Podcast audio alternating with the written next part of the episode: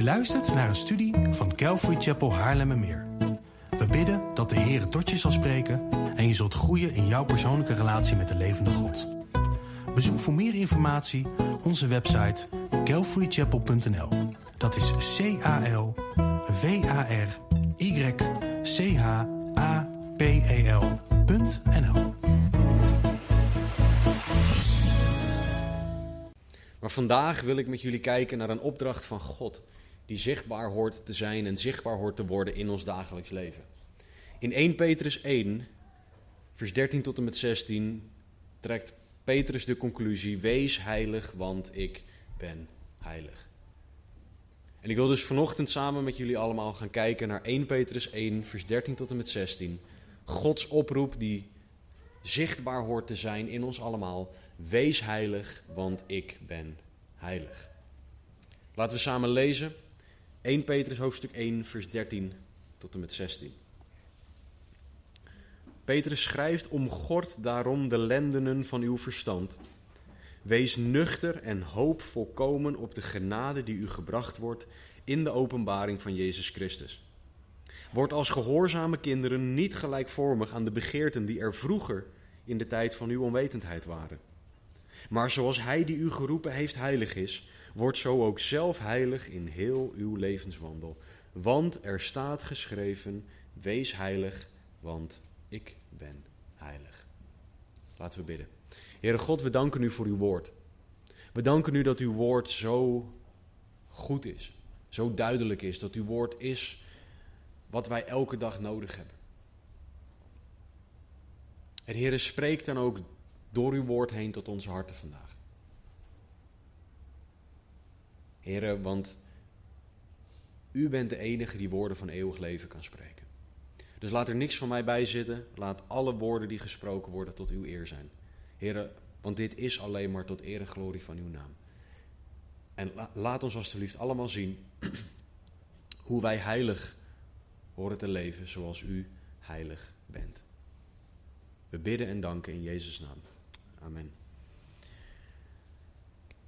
Petrus citeert hier een stuk, vooral het laatste gedeelte, waarin hij zegt: Wees heilig, want ik ben heilig, uit Leviticus. Nou heb ik al een keer eerder duidelijk gemaakt dat dat een van mijn favoriete boeken is. Dus daar gaan we dan nu even niet verder op in. Maar het, het, het punt is dat Petrus een oproep doet die niet door hem bedacht is.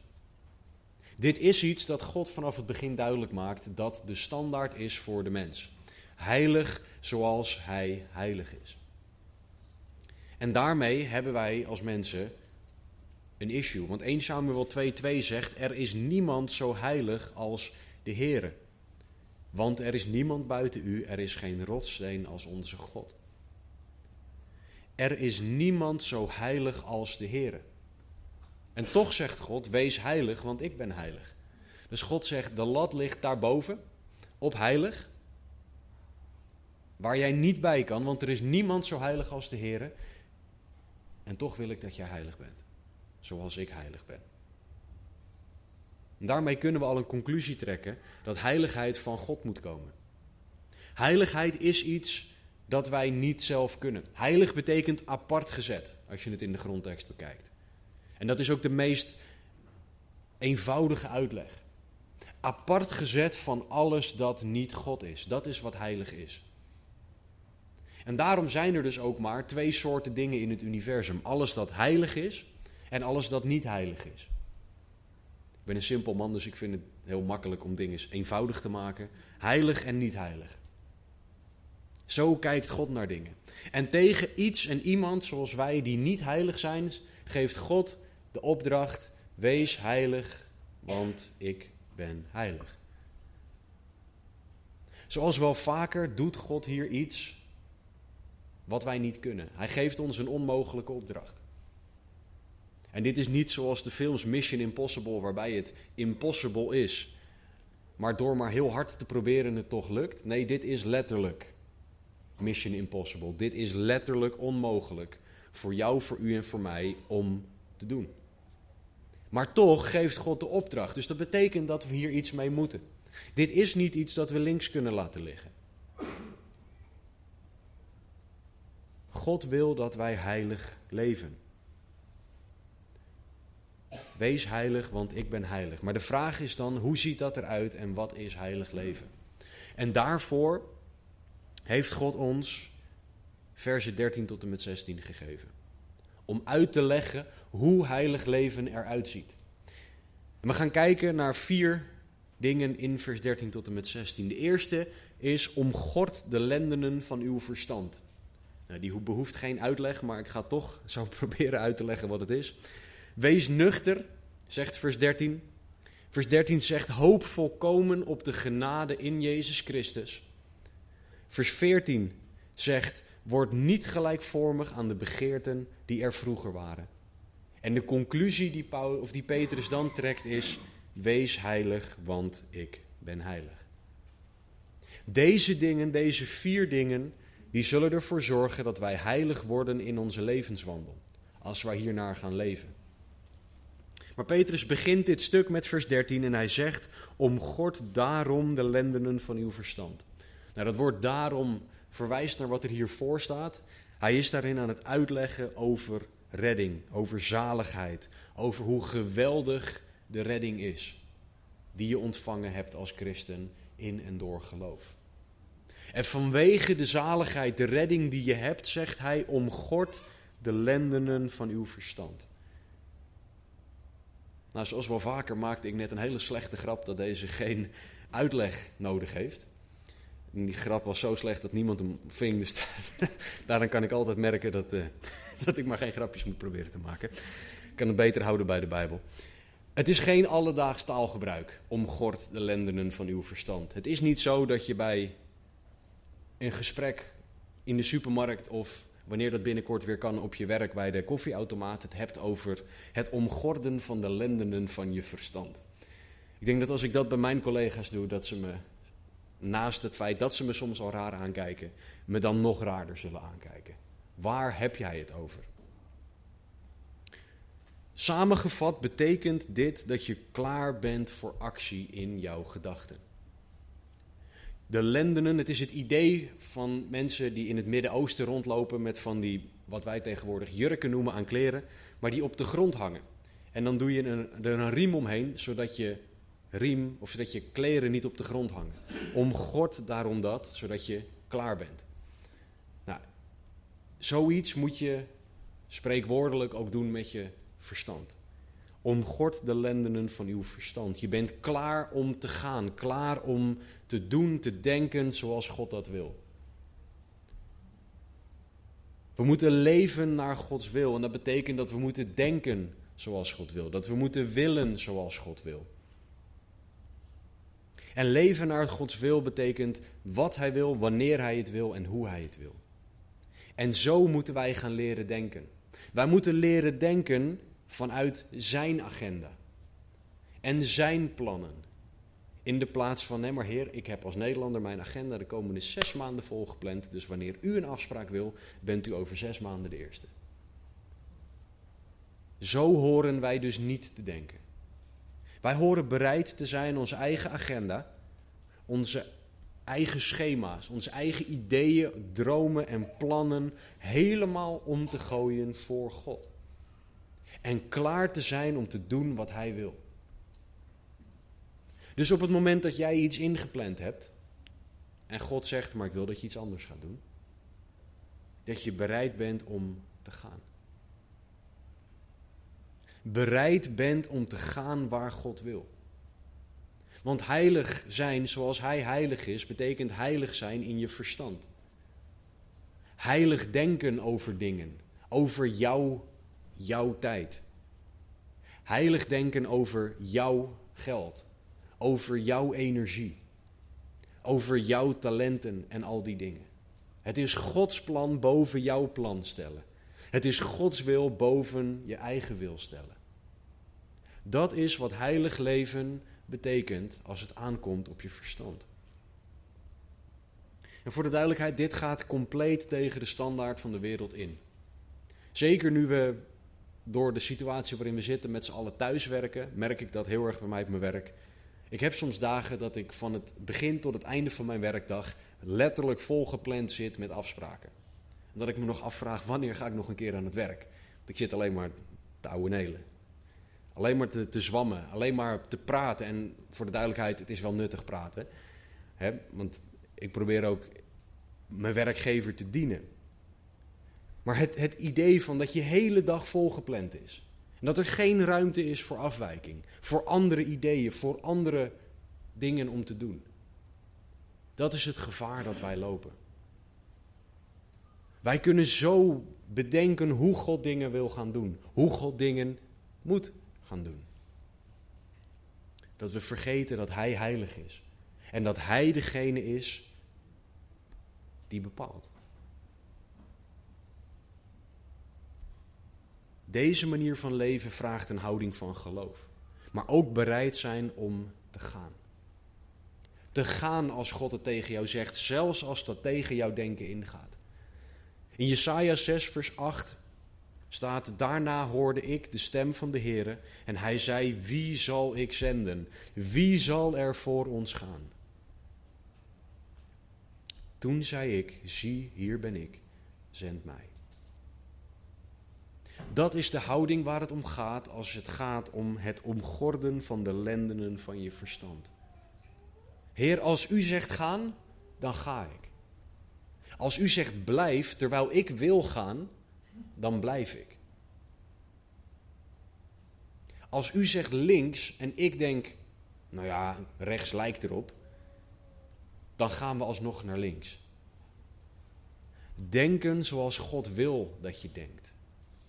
Dat is waar dit om gaat. En heilig leven betekent klaar zijn voor Gods actie. Klaar zijn om te luisteren naar Gods stem, om Zijn leiding te ontvangen, zodat je zal doen en zal laten wat Hij wil dat je doet en laat. 2 Timotheus 2:15 zegt: Beijver u om uzelf wel beproefd voor God te stellen als een arbeider die zich niet hoeft te schamen en die het woord van de waarheid rechtsnijdt. Ik, ik wil me hier vooral focussen op het woord arbeider. Wij zijn arbeiders in Gods koninkrijk. In 1 Korinthe worden we zelfs mede-arbeiders van Christus genoemd. Als Gods arbeiders mag God bepalen hoe, waar en wanneer wij Hem dienen. Hoe, waar en wanneer wij werken voor Hem. Dus de vraag is of jij klaar bent om God te dienen op Zijn manier en op Zijn tijd en op Zijn locatie. Heer, ik vind het goed als ik u mag dienen, maar niet verder dan 10 kilometer. Niet verder dan 10 minuten lopen. Niet verder dan. Of ben je bereid om God te dienen ook waar Hij dat wil? Of moet het allemaal in jouw straatje passen? Onderdeel van heilig leven is dat je verstand klaar is om God te dienen. Om God daarom de lendenen van uw verstand. Het tweede punt dat Petrus maakt staat ook in vers 13. Hij zegt: Wees nuchter. Heel eenvoudig betekent dit dat je niet onder de invloed van iets bent. Kan je je voorstellen aan alcohol, drugs en allerlei dingen die jou in de weg kunnen zitten om helder te denken en vooral helder te doen. Oftewel doen naar Gods wil. Efeze 5:18 zegt: Word niet dronken van wijn, waarin losbandigheid is, maar wordt vervuld met de geest. Heiligheid vereist nuchterheid en vereist de Heilige Geest. Voor de duidelijkheid, dit is geen pleidooi tegen alcohol. Want op verschillende punten in het woord wordt alcohol neergezet als iets positiefs en als iets goeds. Als je daar meer over wil weten, kan je me altijd na de dienst aanspreken. Maar het gaat wel altijd binnen Gods perken. Word niet dronken. Zo helder is het woord. Word niet dronken. Want op het moment dat jij zo onder de invloed bent van alcohol, dat jij niet meer weet wat je doet, wat tegenwoordig als leuk wordt neergezet, met dat je je niet meer kan herinneren wat je gisteravond gedaan hebt, dat is niet nuchter leven. Dat is niet heilig leven. Want je hebt dan geen controle meer om bijvoorbeeld zondig gedrag tegen te gaan. Om een heilige keuze te maken in de plaats van een niet-heilige keuze. Dus dit is zeker niet een pleidooi tegen alcohol, dit is een pleidooi tegen onder de invloed van iets of iemand anders zijn dan de Heilige Geest. Voor mij betekent dat, om dat praktisch te maken, als we het over het onderwerp alcohol hebben, dat ik bijvoorbeeld maximaal één biertje drink. Oh, hij drinkt bier. Ja, hij drinkt bier. Niet vaak, maar soms drink ik een biertje. Maar wel met dit in het achterhoofd. Word niet dronken, maar word vervuld met de geest. Dat is hoe wij horen te denken. Dat is wat heilig leven is. Beïnvloed door de Heilige Geest. Onder de invloed van wie God is. Heilig leven is geleid door de Geest. Romeinen 15, vers 15 en 16 zeggen: Maar ik heb u ten dele op nogal gedurfde toon geschreven, broeders, als om u hieraan te herinneren. Vanwege de genade die mij door God gegeven is, om een dienaar van Jezus Christus te zijn voor de heidenen, door het evangelie van God als een priester te dienen, opdat het offer van de heidenen welgevallig zou zijn aan God, geheiligd door de Heilige Geest. Het is een heel lang vers om tot het laatste stukje te komen. Geheiligd door de Heilige Geest. Als ik geleid word door alcohol, door mijn vlees, door iets of iemand anders dan de Heilige Geest, zal ik geen heilige keuzes maken. Dus wij moeten nuchter zijn. Wij moeten vol zijn van de Heilige Geest om keuzes te kunnen maken die heilig zijn. Wij moeten continu bijgevuld worden met de Heilige Geest. In Efeze 5, 8 staat er in het Nederlands: wordt vervuld met de Geest. In de grondtekst staat er iets dat niet heel makkelijk in het Nederlands te vertellen is, maar het komt neer op wordt continu bijgevuld, blijvend bijgevuld met de Heilige Geest. In het Engels zeggen ze be continually be being filled. Wat ook in het Engels nergens op slaat als je het grammaticaal neerzet, maar het idee is wordt gevuld, wordt bijgevuld en blijft bijgevuld worden. Dat hebben wij nodig. Die persoon hebben wij nodig om heilig te kunnen zijn zoals Hij heilig is.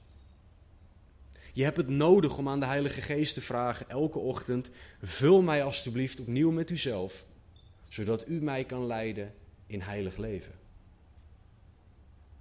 Want we hebben het nodig dat de Geest ons heiligt.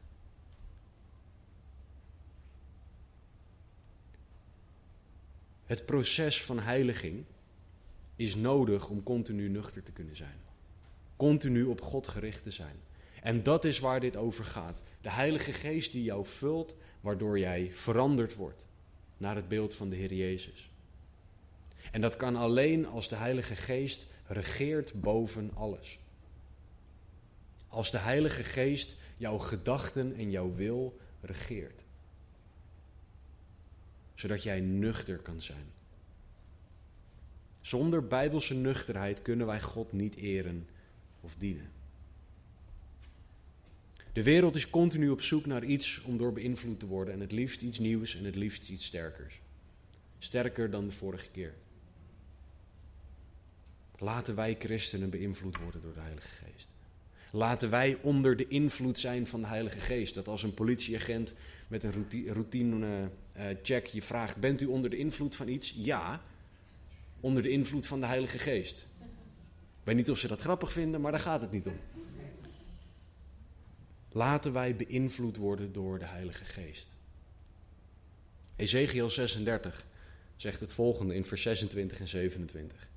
Ik zal u een nieuw hart geven en een nieuwe geest in uw binnenste geven. Ik zal het hart van steen uit uw lichaam wegnemen en u een hart van vlees geven. En hier komt het: ik zal mijn geest in uw binnenste geven. Ik zal maken dat u in mijn verordeningen wandelt en dat u mijn bepalingen in acht neemt en ze houdt. Dat is wat God tegen jou, u en mij zegt.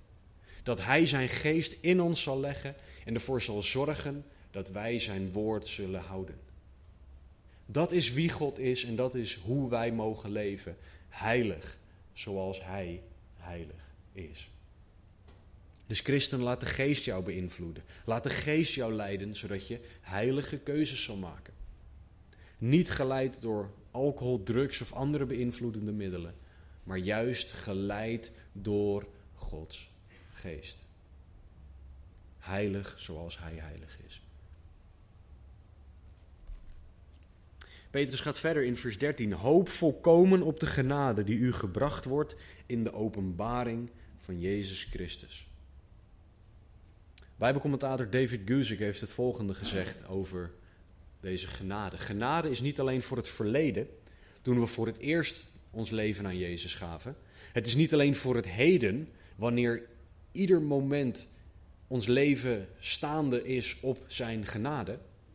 Genade is juist ook voor de toekomst, wanneer genade naar ons toegebracht wordt. God is pas net begonnen om de rijkdom van zijn genade aan ons te laten zien. Einde citaat. Zo onwaarschijnlijk groot is die genade. Genade voor het heden, voor het verleden, het heden en de toekomst. Genade voor elke dag. Genade voor iedereen. En dat in overvloed. In een prachtig lied heeft David Crowder ooit eens gezongen: Als genade een oceaan was, zou ik erin wegzinken. If grace were an ocean, I would be sinking. Zo groot is Gods genade. Zo'n waanzinnige hoeveelheid genade is er. En wat is genade? Nou, de technische definitie is iets wel krijgen dat je niet verdient. Daar mogen we op hopen. Op de genade die u gebracht wordt in de openbaring van Jezus Christus. Genade hoort onze hoop te zijn. God die ons geeft wat we niet verdienen. En dit hebben we dagelijks nodig. De wereld roept je op om te vertrouwen op je eigen kunnen. Mijn werk bijvoorbeeld is een van de eerste vragen die ik altijd krijg. Wat heb je er zelf al aan gedaan? Dat is niet wat God aan ons vraagt. God vraagt hoop op de genade die Hij geeft. Hoop op wie Hij is. Hoop op wat Hij al gedaan heeft. Dus het maakt niet uit met welke talenten jij gezegend bent. Je mag hopen op God. Het maakt niet uit welke baan of en of verantwoordelijkheden je hebt. Het maakt niet uit in welke situatie je zit, welke vaardigheden je nodig denkt te hebben. Je mag hopen op Zijn genade. Want hopen op Zijn genade is hopen op wat Hij gedaan heeft. Is hopen op wat Hij kan in de plaats van hopen op wat ik kan. En dit heb je nodig in elke situatie. En juist ook in de situaties, en hier moet je goed opletten, juist in de situaties dat je denkt, dit kan ik. Juist dan mogen we leren hopen op de genade van God, of de genade die ons gebracht wordt in de openbaring van Jezus Christus. Juist namelijk op de momenten dat ik ga denken, deze heb ik, deze snap ik, deze kan ik, dan ga ik dat ook denken bij iets waarvan ik zeker weet dat ik het eigenlijk niet kan. Want dan denk ik, ja, maar als ik het maar hard genoeg probeer, dan komt het wel goed. Terwijl een heilig leven is een leven in afhankelijkheid van God. Een leven dat hoopt op de genade die u gebracht wordt in de openbaring van Jezus Christus. Een leven dat hoopt op God en op wat Hij kan. Gods genade is oneindig veel beter dan alles dat jij kan bereiken of kan doen. Want waar jij misschien iets kan, of waar jij misschien iets goed kan, of misschien dat jij van jezelf overtuigd bent dat jij iets heel erg goed kan, kan God nog steeds meer, want God is perfect en God kan alles. Dus waar jij iets misschien zelfs heel erg goed kan, kan God alles perfect. En dat is wat en wie jij nodig hebt. Degene die perfect kan doen wat nodig is. Degene die perfect is in zijn doen en in zijn laten. 2 Korinthe 12, vers 9. Paulus had het in dit stuk over een doorn in zijn vlees, over moeilijke tijden waar hij doorheen ging. Hij had het over Iets waarvan hij de Heer drie keer gevraagd had om het hem weg te halen. En het antwoord van God: Mijn genade is voor u genoeg. Want mijn kracht wordt in zwakheid volbracht. Daarom zal ik veel liever roemen in mijn zwakheden, opdat de kracht van Christus in mij komt wonen. Mijn genade is voor u genoeg. Durven wij zo te leven? Of willen wij leven met ik kan dit zelf en Gods genade is voor de rest van de dingen? Waarvan ik denk dat ik het niet zelf kan. Mijn genade is voor u genoeg. Dus in elke situatie, in vragen, moeite en pijn, maar ook in vreugde en in blijdschap. Of misschien wel in de monotone situatie van je leven en elke andere optie. Gods genade is genoeg. Maar dat is een theoretisch iets. De vraag is: kies jij ervoor? Kiest u ervoor om te hopen op die genade? Of hopen we op iets anders? Is onze hoop gebouwd op iets of iemand anders? We mogen leren kiezen en vertrouwen op het feit dat wij niet goed genoeg zijn. Maar Gods genade wel. Dat Zijn genade genoeg is om heilig te leven. Want uit onszelf zullen wij nooit heilig kunnen leven, nooit goed genoeg. En je mag dan leren hopen op genade in de plaats van op eigen kunnen. De wereld wil juist dat wij bouwen op talenten en op eigen kunnen. Zeker ook in, in, het, in het zakenleven wil men dat je leert bouwen op de talenten die er zijn en gebruik maken van de talenten die er zijn. Hoe meer je kan, hoe beter je bent, is het idee daar. Nou, als we die theorie nou eens toepassen op hoop volkomen op de genade die u gebracht wordt in de openbaring van Jezus Christus, dan kunnen wij dus vertrouwen op iemand die alles kan. Hoeveel beter is hij dan wel niet dan wij? Waarom zouden we dan het zelf allemaal gaan proberen, terwijl we op hem kunnen vertrouwen? Terwijl we op zijn genade kunnen vertrouwen. Hoe geweldig is het dan dat we kunnen vertrouwen op God? De God die Jezus uit de doden heeft doen opstaan. Je mag op Hem vertrouwen en door Zijn leiding leven. Nogmaals, heilig leven kan je niet zelf. Het vereist dat je bouwt op wat een ander kan, namelijk op wat Jezus kan. En wat de situatie ook is, heilig leven is de standaard en dat kan alleen als jij volkomen hoopt op de genade die er in Jezus Christus is. En wat heel mooi is, Petrus kent ons mensen. Hij weet dat als hij zegt hoop op de genade, dan denken wij, haha, dan is er dus ook ruimte om op mezelf te hopen. Want hij zei niet hoop volkomen. En daarom zegt Petrus hoop volkomen. Met alles, in alles, in elke situatie. Hoop volkomen op de genade die u gebracht wordt. In de openbaring van Jezus Christus. Wat een hele gevaarlijke vraag is, is er eentje die ik bij jullie wil neerleggen. Vraag aan God om je te laten zien waar je echt op vertrouwt. Want dan ga je zien of jij echt vertrouwt op zijn genade. Of dat jij vertrouwt toch hier en toch daar op je eigen kunnen. Of op de baan die je hebt, of op de zekerheid die je hebt. Of op dit of op dat. Want als er een ander antwoord uitkomt dan dat jij op God vertrouwt, dan is er iets waar je je van mag bekeren. Dan mag je God vragen om jou een nieuwe openbaring te geven van Jezus Christus. En daarmee bedoel ik niet dat je opnieuw gered wordt, maar dat je Jezus weer mag zien zoals je hem misschien uit het oog verloren hebt. Wij hebben hem nodig. We hebben deze genade nodig. Hoop, volkomen hoop op genade hebben wij nodig om heilig te kunnen leven. Dus, broeder, zuster, waar hoop jij op? Waar hoopt u op? Waar verwachten wij hulp, redding, wijsheid, inzicht, zekerheid en al die dingen vandaan? Verwachten we dat van de 25ste van de maand waarop het geld overgemaakt wordt? Of hopen wij volkomen op de genade die er is in Jezus Christus? Om heilig te leven zoals Hij heilig is, hoop volkomen op de genade die u gebracht wordt in de openbaring van Jezus Christus. Het vierde punt dat Petrus maakt, staat in vers 14. Word als gehoorzame kinderen niet gelijkvormig aan de begeerten die er vroeger in de tijd van uw onwetendheid waren. Petrus zegt hier: heilig leven zoals God heilig is en de begeertes van vroeger gaan niet samen. De dingen die jij vroeger begeerde of wilde, de dingen die jij vroeger deed voor Jezus Christus, zijn niet heilig.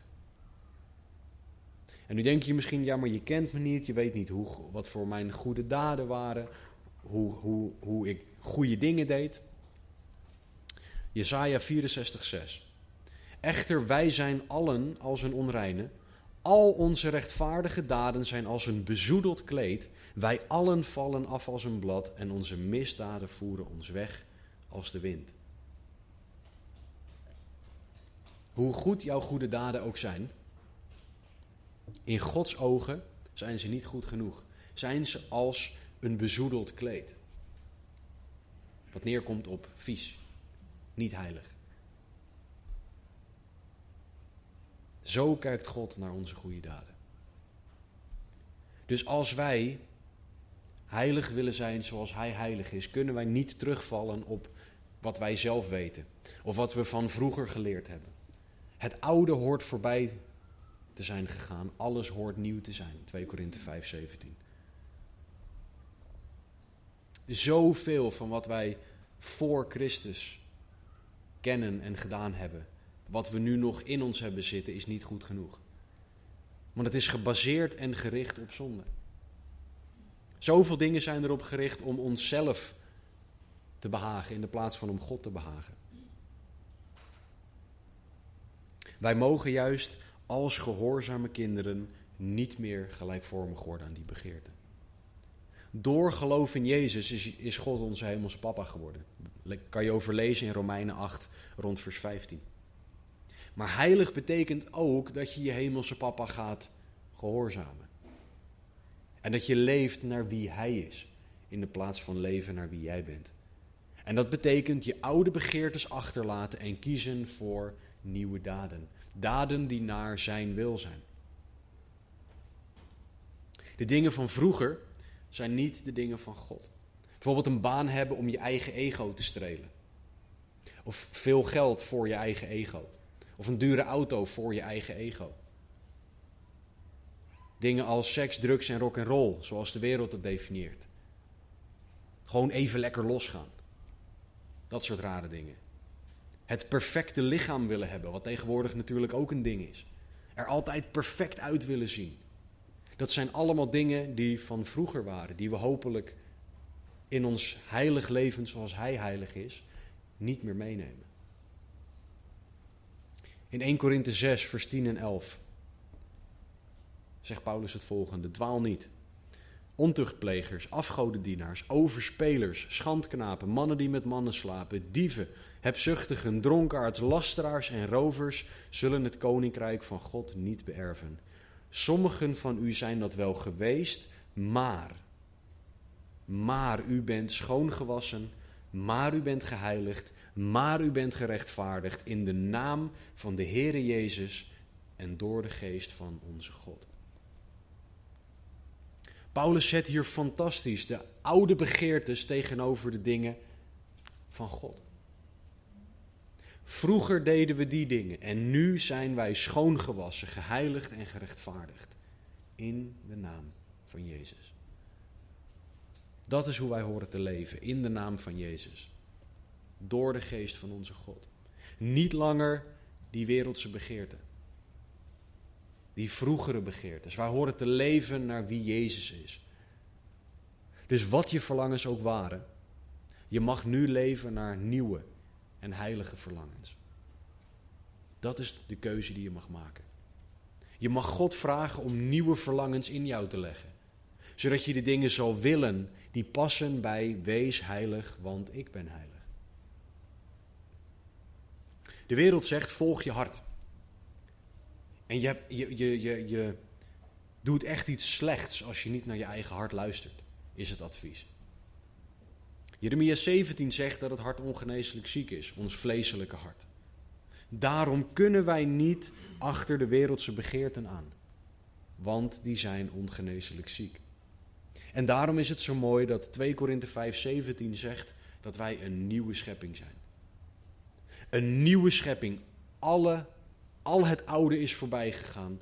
Alle dingen zijn nieuw geworden. Waarmee we ook een nieuw hart hebben gekregen om te leven naar Gods wil.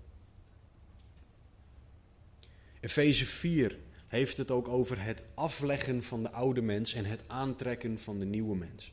Met nieuwe begeertes. Een mens die geschapen is in het beeld van. Heilig zoals Hij heilig is. Dat is hoe wij horen te leven. Niet langer de dingen van de wereld en van ons vlees en, en al die dingen willen.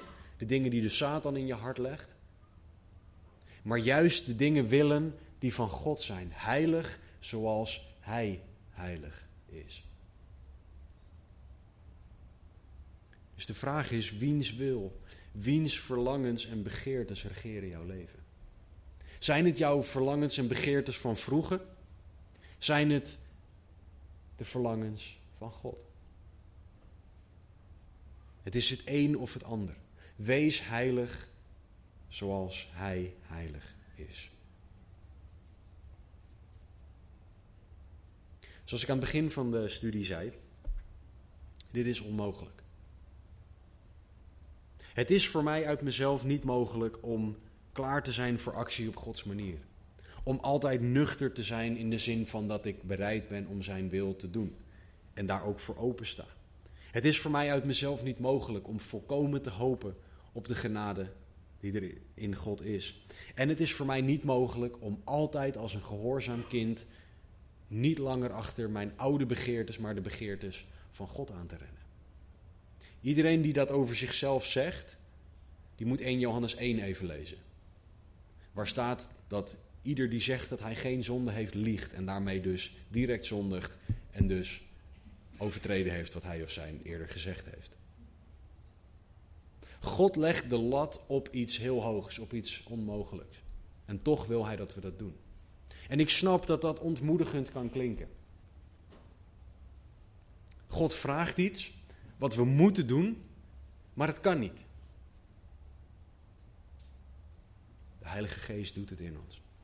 Het is juist een bemoediging dat God dit aan ons, aan ons opdraagt. Want hij belooft in Ezekiel 36 dat hij zijn geest in ons zal leggen en dat hij ons in staat zal stellen om dit te doen. Ja, maar ik wil het niet eens. Filippenzen 2:13 zegt dat God het willen en het werken in ons gaat doen. Wees dus bemoedigd. Het is Gods opdracht aan ons, maar Hij wil jou ook op elke manier in staat stellen om dit te doen. Het is niet zoals Dwayne The Rock Johnson, die bekende acteur, die zegt: Be the hardest worker in the room. Je moet zo hard mogelijk werken en dan zal je wat worden. Nee, geef jezelf over aan God. Laat Hem het werk doen. Want als jij gaat proberen om jezelf heilig te maken, dat is een van de meest frustrerende dingen die er is. Alleen God kan dit. Wees heilig zoals Hij heilig is. Laat Hem jou heilig maken. Je mag leren luisteren naar Gods wil, boven je eigen wil. Je mag leren leven naar Zijn standaard, geleid door de Geest. Het is niet zo dat God met een soort zweep klaar staat op het moment dat je faalt. Hij staat juist met open armen klaar om te zeggen: Ja, je hebt gezondigd, maar kom bij mij. En dan gaan we verder. Dus de oproep is: leg de oude dingen af en kies voor Hem. De oproep is: wees heilig, want God is heilig. Het oude leven is minder dan wat God voor je heeft. Er zijn christenen die hebben het over die goede oude tijd van voor Christus. Als je echt doorhebt wat heilig leven is, dan is er geen goede oude tijd. Dan is er alleen maar die goede toekomstige tijd. En die goede huidige tijd waarin ik mag leven in de genade. Zonde leidt tot de dood en God geeft leven. Dus dood of leven, wat God geeft is beter. Oude begeertes leiden naar zonde die naar de dood leidt. Terwijl als jij Gods wil doet, zal je naar nieuw leven gaan. Dat is een, een spel dat je continu kan spelen. Alles wat de wereld zet of zegt, kan je iets tegenover zetten van God, wat vele malen beter is. Dus wees heilig, want Hij is heilig. Laat de geest, de Heilige Geest, jou leiden in het maken van keuzes, zodat jij heilig kiest. Heilig zoals Hij heilig is, dat heb jij nodig. En om heilig te leven, heb jij de Heilige Geest nodig. Dus vraag de Heilige Geest om jou te leiden. Hij is God en we mogen bidden tot God, dus je mag de Heilige Geest dingen vragen. Vraag de Heilige Geest om jouw leven te regeren, zodat jij zal leven heilig zoals Hij heilig is. Als jij nog niet gelooft, dan mag je weten dat ieder mens in deze ruimte tekort schiet, inclusief ikzelf. Ieder mens, inclusief jij, schiet tekort ten opzichte van de lat van heilig. En daarom heeft ieder mens Jezus Christus en zijn genade nodig. Jezus offer aan het kruis is er voor jou en voor mijn zonde. En dat is genoeg. Geloof in Jezus, accepteer zijn liefde en zijn vergeving en je bent gered. Dan kan ook jij heilig worden en heilig leven. Christen, Gods wil voor jou is: leef heilig zoals Hij heilig is.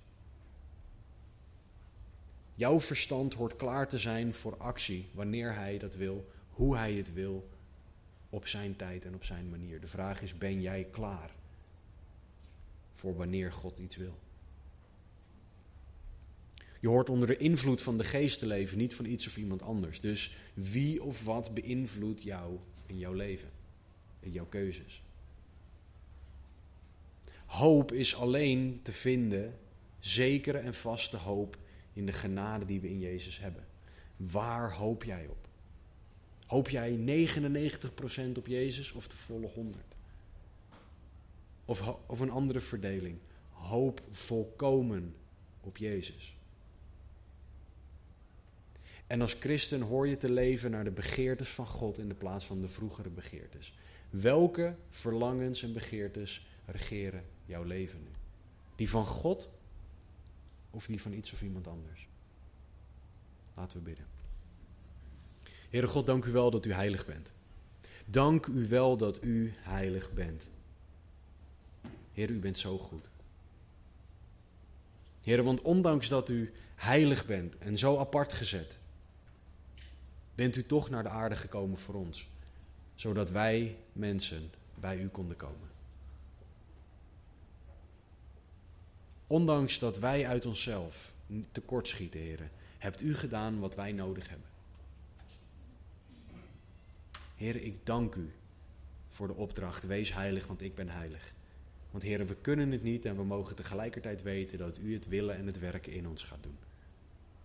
Dus heren, bemoedig ons om heilig te gaan leven. Spreek ons aan waar wij nog niet heilig leven, waar wij een andere standaard hebben dan heilig. En Heere, bemoedig en leid ons wanneer we vallen. Bemoedig ons om terug te gaan, leid ons om terug te rennen naar U. Help ons om heilige keuzes te maken. Om gevoelig te zijn voor uw leiding. Heilige Geest, doe uw werk in ons.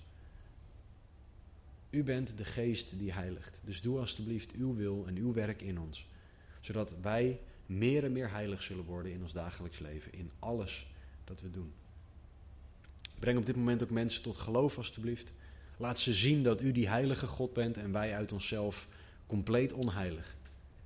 En dat om een relatie met u te hebben, we de Heer Jezus nodig hebben. Dus Heer, doe wat nodig is vandaag. Spreek harten aan. En we bidden dat u uzelf kenbaar zal maken. Heren, we bidden en we vragen Dit alles in Jezus' naam. Amen.